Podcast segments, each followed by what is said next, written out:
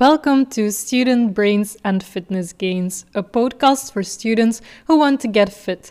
I am your host, Jana Six, and today I will be talking about my fat loss challenge.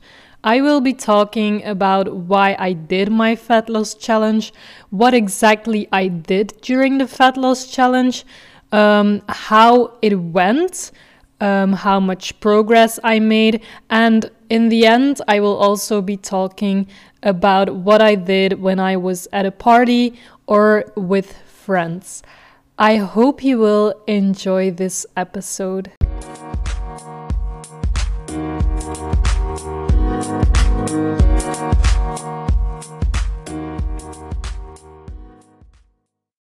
If you are following me on Instagram, you have probably seen that I have done a fat loss challenge. I got a lot of questions about what it is that I did and also how I did everything. Um, a lot of people also really liked seeing my progress. So I thought it would be a good idea to make a podcast episode about it so I can go into more detail about everything I did. First of all, I will be talking about why I decided to do a fat loss challenge. Since the new year started, actually a little bit before the new year started, I wanted to lose fat. I've been wanting to lose fat for a long time, and I actually had lost fat some time ago. I think it's two years ago that I lost a lot of weight. And I gained it all back, to be honest. Um, I am not going to say that it was all fat. My body composition has definitely changed, so I can't complain about that. But it wasn't my intent to gain all of the weight back. Uh, my relationship with food wasn't the best, and at some point, I decided that my relationship with food was more important than losing fat. So that is also why I gained some weight. And I don't really regret it because at that time it was the best decision I could make. Um, for me, like I said, it was really important to get that relationship with food better, and that is what I did. After the first time I lost a lot of weight, I went into my first bulk which I think wasn't a great idea because I didn't know that much about bulking and I didn't know how much I had to eat for bulking and I just really wanted to eat all the food and I gained a lot of weight because I'm someone who gains weight very easily. So if I'm bulking, I gain way too fast, at least in the way I did it back then, because, like I said, I didn't know a lot about bulking, and I think I just wasn't consistent enough. So, like I said, I gained all the weight back, and that wasn't really my intention. I was not mad about it, but I knew that I liked my shape better when I had lost the fat. After improving my relationship with food, I felt like I was finally ready to go for my fitness goals again. I had stopped tracking macros because I knew that that had a big influence on my relationship with food. So I just started to start losing weight without tracking macros, which was going really well. Um, but then after a few months, I think I lost a bit motivation again and it wasn't really working anymore. I was also feeling like I wasn't eating enough protein because I wasn't tracking. And eventually, I decided to start tracking again, but I knew that tracking had messed up my relationship with food before, so I knew something had to change. I couldn't do it in the same way I did it before. That is when I decided to start tracking again, but I only tracked calories and protein and I looked at my weekly goals instead of my daily goals. So sometimes I ate a bit less and then other days I ate a bit more and I had a minimum amount of protein I had to reach, but I could also eat more protein. And I found that that was something that really worked for me. It was flexible enough so I wouldn't feel too restricted and I wouldn't feel like I messed up if I went over my calories or if something didn't go the way I wanted it to go. So, like I said, I was losing fat, and then I was going on vacation with my boyfriend. And usually during my vacation, I always gain weight because on vacation, I never track my macros and the most important thing to me on vacation is to enjoy it. But this time was very different because we were super active on vacation and I actually lost weight, which was something I didn't expect to happen at all. It had never happened before. But because of that, I was also super motivated when I came back from my vacation because after vacation, to be honest, I often feel like I messed up, which is totally not a good feeling, but it is the truth. And this time around, I didn't have that feeling, which made me feel way more motivated to get on track again after vacation. After my vacation, I immediately started studying for my resets, and during my resets, I really like watching YouTube videos as a break. That is when I found Jordan Syatt's YouTube channel, and ever since I found his challenge, I've been binge watching his videos. He had a huge impact on the way I see fitness right now, and I just think his videos are the best. It's my favorite YouTube channel ever. In one of his videos, he said that if you want to be motivated to lose fat, it is a very good idea to set your own fat loss challenge. So that is what I did. I, I thought it was a great idea, and I thought it would also be easier. Um, if I was with friends or with family to say, I am doing a fat loss challenge, and that is why I can't eat something. um, I know it sounds maybe a little bit stupid or weird, but for me, it really helped because not only to my friends, but only to myself, I was like, I am in this challenge and I need to go for my goals. I decided that my fat loss challenge would take 90 days, and my goal was to lose 300 grams of weight a week. And I also wanted to be 80% of time on track. Um, and then I also wanted to do 10k steps a day, eat 300 grams of veggies a day, and two to three pieces of fruit every day. During the challenge, I also tracked my calories and protein, but like I said, my goal was to be 80% on track, and the other 20% was for going out with friends or having parties, and then I wouldn't track my calories or protein. Every single day, I wrote down if I was on track or not to see if I was staying consistent to that 80%.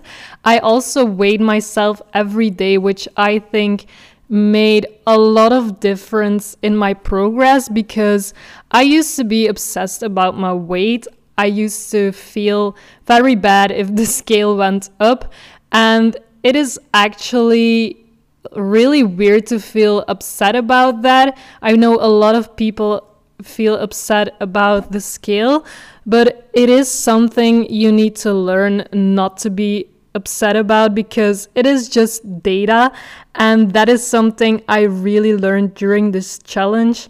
I weighed myself every single day and I always compared my weekly average weight with my weekly average weight weight of the next week.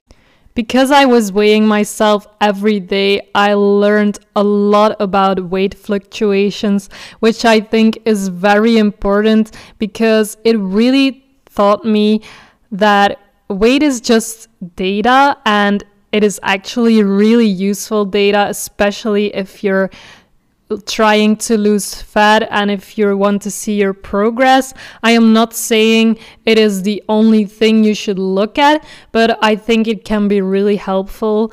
Um, I learned that some weeks I will be heavier than other weeks, but that doesn't mean I'm not making progress. After I am going off track, my weight often goes up, but that also doesn't mean that I am not making any progress because oftentimes the day after or maybe 2 days after my week uh, my weight is back to normal. And I also noticed that during my period for example I am weighing more but at, like I said that also doesn't mean that I am not making progress. And that is something I really realized during this challenge I also realized that you are not going to lose weight every single week, no matter how good you are with your macros and calories. It is really, really normal to have weight fluctuations, and over time, you can really see you are making a lot of progress, even though it might not seem like it if you just look at your weight every single day but I promise you, over time, it makes a big difference. And I would also recommend you if you are feeling bad about the scale um, to watch one of Jordan Syatt's, Syatt's videos. Um, it's called, I think, the science behind weight fluctuations. I will leave a link to the video in the description. Um, but I really would recommend you to watch that because he really explains why it is normal that your weight is fluctuating and why that doesn't mean you are not making, uh, you are, yes, why that doesn't mean you are not making any progress. Now I will explain to you how my challenge actually went, if I reached my goals or not. First of all, I don't think it was realistic of me to say I was going to lose 300 grams um, a week because, like I said, you are not making progress every week. I mean, you are making progress, but the weight doesn't always show that, especially if you're having your period. So, losing 300 grams every single week was not a realistic goal and I didn't reach it, but I almost reached it. I think there were like four weeks or so where I didn't reach it. Um, like if I compare my starting weight and the end weight, I think I was three or four weeks behind. Um, but I think that is very normal, and my goal was just not that realistic because, like I said, you are not going to lose weight every single week. During my challenge, I set a protein goal, but I also had a minimum amount of protein that I wanted to reach, and my protein goal was a bit higher. I wasn't able to reach my protein goal most days. Um, personally, I think it's very hard to eat a lot of protein. I am still happy that I reached my minimum amount most days, but I think for me personally, my protein goal uh, might not have been realistic because it was really hard to reach it. So in the if I would do it again, I would set my protein goal a little bit lower because it is way more motivating if you can reach your goal than to set a goal that might be more perfect, but if you are not able to reach it, then it is not perfect at all. It is way more important that you are setting a goal that is realistic and that you can stick to And that is way more important than just setting the perfect goal, but it isn't something you are able to do. About being 80% of the time on track, the first month went perfectly. I was about 80% on track. But then the second month was really hard for me. I had a lot of parties. I went out with friends a lot. So I didn't reach that 80% to be honest. But the third month was also very good. And eventually I looked at all the days I was on track, and eventually I was 75% of the time on track, which I think is still very good because to me, it really was a huge improvement. It was huge progress because I used to find it super hard to be on track all the time. I think it's also because I was a bit more flexible that it was easier now, but I am totally not disappointed that I didn't reach that 80% because I think 75% is still very good and I know I worked hard and the results were there. In total, I think I lost 3 to 4 kilograms um, I lost one kilogram less than I wanted. So, like I said, I was three or four weeks behind, but I am still super proud because, like I said before, I don't think it was realistic to lose weight every single week. Let's talk about parties. Most of the times I didn't track at parties, but sometimes I did. It mostly depended on if I had been on track very often lately, and it also depended on if I was able to track the food because let's be honest, at some parties it is very hard to track your food because you're eating a little bit of everything and you really don't know what is in the food that you are eating, or sometimes I also feel a bit stressed about tracking at parties because I know it will be a lot of food and I don't know how to track it. And when I was feeling that way, I would never track because, like I said, I used to have a bit of a problem with my relationship with food and I don't want to make that worse again. So if I'm feeling a bit stressed, I just don't track because I know it's not a good thing to do for me personally. So sometimes I did track and when I track, I just try to estimate the calories.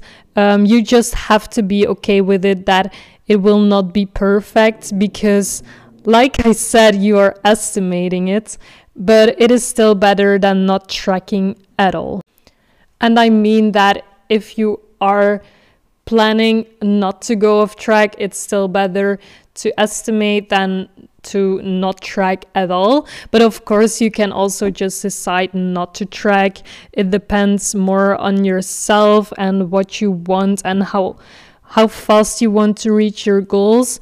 But to me personally, my goal was to be 80% on track. So that was what I really tried to do. So, if I wanted to be more on track because I hadn't been on track very well the rest of the week, I tried to pick a healthier option when I was going to a restaurant, for example, a salad or just a meal with not that much fat in it. So I knew it was easier to track.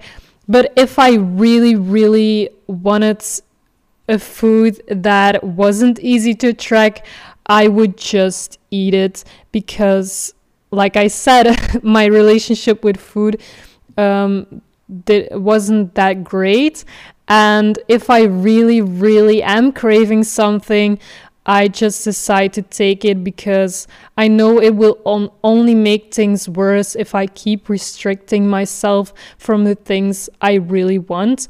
Um, sometimes you really need to make decisions because if you want to stay on track 80% of the time, of course, you can't say yes to everything, but sometimes it is it is worth it to say yes. So I always try to ask myself, is it worth it or not? Sometimes the answer might be yes, and sometimes no. I had a goal in mind and I wanted to reach that, and it all depends on how important that goal is to you and how fast you want to reach that goal and of course also on how you are feeling because I think it is super important that you're feeling good mentally as well because if you're not feeling good mentally then you won't be able able to reach your goals either. Something that I think is also really important is that when you decide to go off track that you don't go all in and I mean that you don't eat all the food that you can find and you don't stuff yourself until you feel uncomfortable. I don't think that's good for your relationship with food and I think you will always regret it if you eat past the point that feels comfortable for you. Of course, you never feel good if you are doing that. So I always tried to eat until I felt felt satisfied both physically and mentally. And I used to overeat a lot when I went off track because I felt like now that I'm going off track, I need to eat everything because tomorrow I can't anymore. And that is actually a very bad mindset. The reason I am able to do this right now is because I allow myself to have everything in moderation, also when I am tracking my calories. So, for example, if I'm really craving chocolate um, and I am thinking about it all the time, I will allow myself to have it and I will track it into my macros. Um, if my mom asks me to eat a pancake and I am really feeling like eating that pancake, I will also just track it into my macros because I want it and because I know that I can always have the foods that I want if I really want to. Um, I don't feel the need to binge and to eat everything I can find because I know the food will always be there and I can always get it later if I really want it. That being said, I just also think it's very important not to see certain foods as healthy or unhealthy or seeing everything on either being on track or not being on track. It is better to see foods as something you can eat in moderation. So, actually, you can have all the food you want in moderation. There is nothing you should say to yourself that you can't have. Uh, maybe only in the beginning, for example, when you are addicted to sugar. But I think you should learn to have everything in moderation because in your life there will always be certain foods that you will be eating. You can't say i am not going to eat this food for the rest of my life unless maybe it's something you're allergic to or it's a special situation. But i think you should be able to have the foods you want in moderation. And in order in order to make this a lifestyle you should learn how to how to deal with that, how to eat your favorite foods in moderation. And then I also think that being partly on track is better than being not on track at all. So, for example, I had days where I did track my macros and I wanted to track them, but for example, I really wanted that, that pancake with my mother. And that is when I sometimes decide to go over my calories, but then it stays with that pancake and I won't be eating all other foods I can find. I just eat the pancake I eat normally throughout the day. And then I can see I am, for example, at 2000 calories, which is probably around my maintenance, and that means I won't be doing any damage, let's say, because okay, I may be I may not be losing fat that day, but at least I'm also not messing up my progress because I am still at maintenance. If you decide to have that pancake and then you say to yourself, I already messed up, let's eat everything I can find, then it might be that you are, for example, at 3000 calories and that can mess up your progress of the whole week. So it is better to be a little bit off track than be completely off track. And you can't mess this up. It is a lifestyle, so you never mess up unless you give up, is what I'm always saying. You can't mess this up. You can eat your favorite foods. Yes, it might happen that you go off track, but the only time you really mess up is when you are giving up. Because let's say you go off track one day and the next day you think, I already went off track, I'm just giving up and I'm going to stop because my weight went up. That is a very bad mindset because let's say you didn't give up and you just started back the next day, okay, maybe your weight will have gone up for one day because you ate a bit more food. But if you are right back on track the next day, then two days after or three days after, your weight will drop again. And I promise you, you will not have messed up your progress if you get back on track right away. Like I said, my fat loss challenge took me three months, um, 90 days, but I personally wouldn't recommend doing it for three months. I have a lot of experience with tracking my food, so I already know a lot about nutrition, so it was possible to do it to uh, for 90 days, but I wouldn't recommend it because I think it was hard to do it for 90 days. And I think if you don't know that much about nutrition, it will be even harder. And that doesn't mean you need to stop losing fat after like a month or two months. It just means that you set a challenge, let's say for 60 days, and then you take a break, and then you can do another challenge. So pick like pick like a length that is um, realistic to you. If you know you are not going to be able to stick to a challenge for 90 days because it's too long, then just do a shorter challenge and you can always do another challenge. After the challenge, I decided to do a reverse diet. The reason I chose to do it is because, of course, I didn't want to gain all the weight back this time. I wanted to slowly increase my calories. Um, also, if you're going right back into maintenance, um, it is possible that you gain a bit of weight. Uh, oftentimes, it just you just lose the weight again but still mentally it can be a bit hard. And i've been wanting to do a reverse diet for a long time. I i really wanted to try it out. So that is why i am doing it. If you want to know more about my reverse diet just follow me on instagram at yana6 i am sharing everything about my reverse diet there.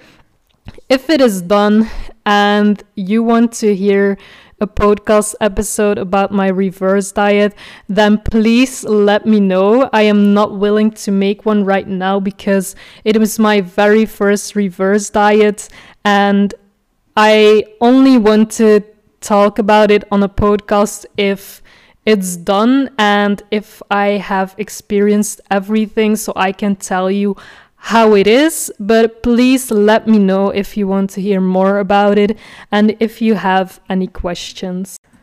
I think I have talked about everything I wanted to talk about. If you have any more questions, you can always ask them on Instagram. Just send me a DM at Yana6.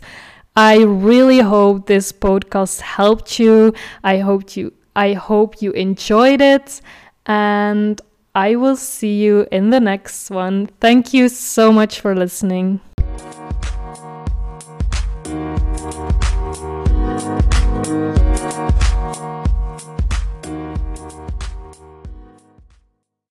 If you enjoyed this podcast episode, then please leave me a review on iTunes. It would help me a lot. It would make me very happy if you did that. If you don't know how to leave a review on iTunes, just search on Google how to leave a review on iTunes and you will find how to do it. Thank you so much again for listening. See you in the next one.